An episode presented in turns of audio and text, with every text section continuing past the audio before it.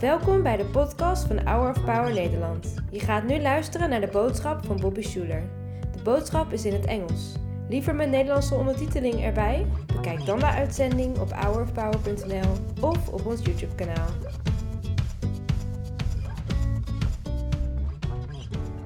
Welcome to Israel. If you're just joining us, we are coming to you on this weekend from Israel. We're here right now. It's, it's an amazing feeling. I said earlier in the intro that it feels like when you're in a place like this, you've been reading the Bible in black and white, and all of a sudden it comes to you in living color. You see the grass, you see the, the Sea of Galilee behind me, where Jesus walked on water and called the fishermen to follow him. So much of the culture and landscape that was there in the first century, a lot of it is still here. Israel's land where God made covenant with his people, where the Bible was written.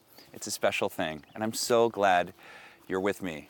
I know you're not here physically, but you know, you're with me in spirit on TV or online, and I'm so glad.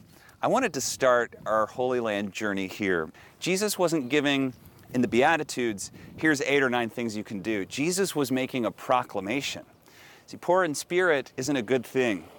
If you're poor in spirit, it means your heart is broken. It means you have no will left. It means you've been crushed by life.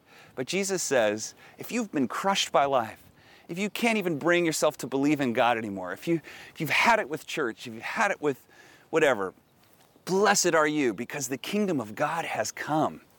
We see that there's another Beatitudes in Luke, and it makes it a little bit more clear because Jesus says, Blessed are those who are poor, blessed are those who are hungry, blessed are those who weep. Blessed are those who are insulted, right? And that's how we're supposed to read the Beatitudes, not to read it as commandments of things we should do, but rather a proclamation from Jesus saying, if you're brokenhearted, if you're pushed around, if you, you need justice and you never got it, if you've been bullied, if you've been left behind, if you're uninvited, if you're unwanted, if you're hungry, if you're sick, if you're broken, you're in luck. The kingdom of God has come. In fact, this word, blessed, uh, we often think it's like blessed, right? Like you're holy. The word blessed means happy. A lot of scholars think that the opening of the Sermon on the Mount is a hyperlink back to Psalm 1 that also begins with Blessed is the one who does not walk in the way of the wicked, or stand in the way of sinners, or sit in the seat of mockers, but his delight is on the law of the Lord. And on his law he meditates day and night. He's like a tree planted by streams of living water. It's a hyperlink to a happy life. It's a promise that if you want a good, rich, wonderful life, something that Rabbi Jesus called eternal life, follow his commands, live life his way, and you'll inherit the life you're looking for. But there's one thing that will never pass away, and that is the word of the Lord, the Spirit of God living within you. And if you build your life on the words of Jesus, that's what leads to a truly good and happy life. So then, after those proclamations, Jesus tells us what this life looks like and how to live this way. And if we trust in these words, we'll live a good life. In fact, the Sermon on the Mount ends with this line He says, Anyone who hears these words of mine is like a man who built his house on the rock. The rains came down, the streams rose, but the house stood because it had its foundation on the rock. But anyone who hears these words of mine and does not put them into practice is like a man who built his house on a wadi. You know what a wadi is?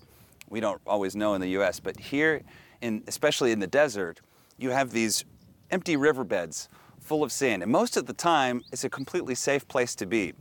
But when a big rain comes, the rain will come down and rush into the desert, and these big flash floods will come through and destroy everything in its path. Very often, animals or travelers who don't know better will stop and maybe, you know, the animals will graze in the grass or something like that because sometimes wadi has some, you know, water underneath and they'll graze from whatever's there. But it's a dangerous place to be. You know, it's like a man who has never been to a, the desert and he's looking for a place to build his house. And he says, I'm going to build it here on the wadi. It seems like the best place, but the, the, the truth is, when trouble comes, it's coming for him. And that's what it's like when we build our lives on something other than the Bible, on the Word of God that was given to us. Jesus promised to us is if we understand this and we build our lives around it, that even when trouble comes, when the rain comes down, we'll have a strong foundation. We often think that the foundation is Jesus himself, and it is, but he says very plainly it's his teachings. We're going to get into that deeper. So, you know, I, I, think it's interesting. One of the things I always remember when I come back to Israel is the power of and the honor of being a disciple to a rabbi. Jesus was, as Ronnie and I talked about earlier, a famous rabbi. In this region, it was a big deal to be a sage or a rabbi or to be someone that knew the Torah and had a, a group of people following you. you know, Jesus uh, totally exemplified in so much of what he did the characteristics and the life of a great rabbi. Before we get there, I want to teach what does it mean to be a disciple and where did this whole thing come from? I, I just think that's such a wonderful part. It's a system of schools called yeshiva that began where they decided we're going to teach our children Torah. I read this great line from a rabbi that said, We love to stuff our children with Torah as you would stuff an ox. You know, there was, uh, as, as time went on and yeshiva continued, this is about 100 years before Jesus, there was this love of Torah that was beginning where they never wanted to lose Torah. The idea was, what if we can get as many people to memorize as much of Torah as possible, that if they burned every Bible in the world, we could get our people together and we could you know, write it out word for word. And of course, that never happened, but you can see that there's this just love for Torah and these big questions about what does this mean? Who is my neighbor? What does it mean to, to love my neighbor? What does it mean to love the Lord with all my mayod, with all my very? What does that even mean? How do we translate that into Greek later, you know, with the Greek Jews? And there's all these great discussions about how do we live the Torah the, the way God wants us to live Torah. And this is the community into which Jesus is born a community of Jews that loves the Bible. They love to debate the Bible, they love to learn it, they love to teach it. And it's in that community that the teachers, the teachers of Torah, the rabbis that we call them today, become the great sort of pillars of the society. They're the most, some of the most honored people in the community. And just like in Christianity, how we have so many traditions, we have Presbyterians, we have Methodists, we have Catholics, and all sorts. And we agree on critical things, but there's some smaller things that we disagree on. Many great rabbis in Jesus' day had different disagreements about what does this mean or how does it live? What's the most important command? And this was called a rabbi's yoke. You know, if a, a rabbi was famous, and he wanted to pass on his teaching. He would pass on his yoke to his disciples. And he wanted his disciples to carry on his interpretation of Torah. He wanted his disciples to live the way he lived. In fact, some were so sincere about this that they wanted the disciples to walk the way they walked, look the way they looked, tell the jokes that they tell, and become as much like the rabbi as possible, to do whatever the rabbi does, to care about what the rabbi cares about, and to teach the rabbi, to teach the way the rabbi teaches in that society of teaching children, some children were really special. They were super gifted. Some of them could memorize you know, large, large portions of the Bible and recite it and debate it, and they, they were quick minded and they were charismatic and catchy. And some of them would be chosen to be disciples to a rabbi. If a, a student was so gifted and so bright and so smart, the rabbi would say, Come follow me. It's a line that, that that people in those days would have understood, and it's something that any boy would have just lit up. I mean, it'd be like it'd be like getting accepted to Harvard, you know, or or some prestigious school that you never thought you could get in. It's just the the top one percent could get into, and to become a, a disciple uh, was a huge huge deal. And so think about that. When we look back here down on the Sea of Galilee, and Jesus is this uber famous rabbi. You know, people are following him. You know, he was already at, I think, 12 years old, teaching at the temple. And the mother can't find him, and he, he's performing these miracles. And, and people know there's something really special about Jesus. By the time he comes here to Capernaum, he's a famous rabbi. And of course, we know the story. He goes up to Peter and Andrew, and I mean, all he says is, "Follow me." So why would, why would Peter and Andrew? Just leave their nets there and just walk away from their boats? Well, it's obvious now, isn't it? If, if a famous rabbi says, Follow me, you know, you, I mean, you're not going to wait. This is the greatest honor of your life. In fact, you're going to ask permission to go home and tell your dad, Dad, Dad, guess what? a rabbi, Rabbi Jesus, Yeshua. He's the famous rabbi here in Galilee.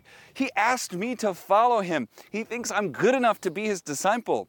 He thinks I can carry on his yoke. He thinks I can remember all that he's going to teach. He thinks I can become like him.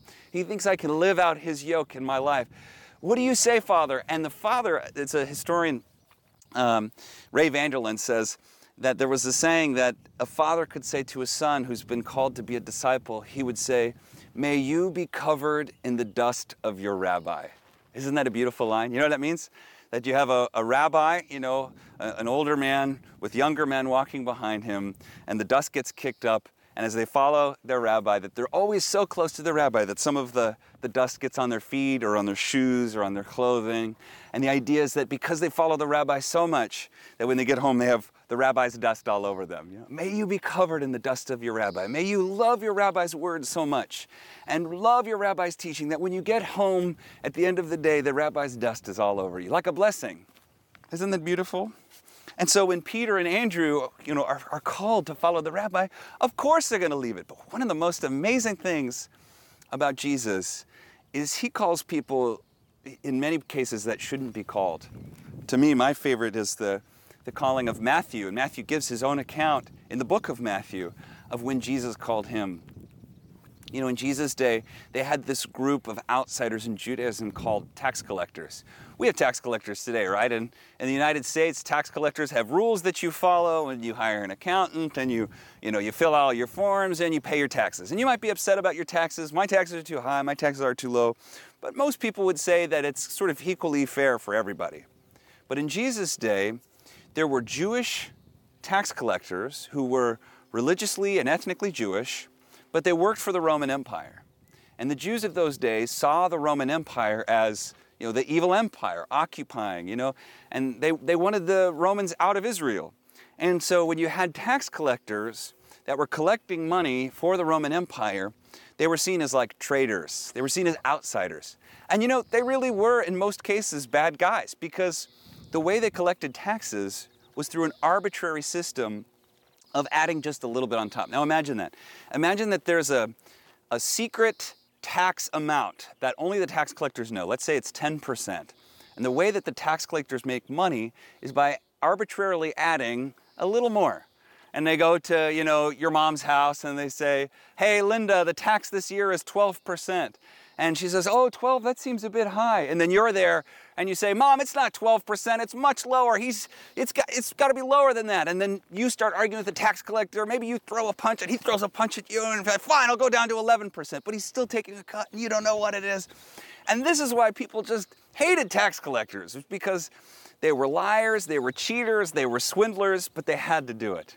And of course, in Jesus' day, what's the job that most people do? Well, you do what your dad does.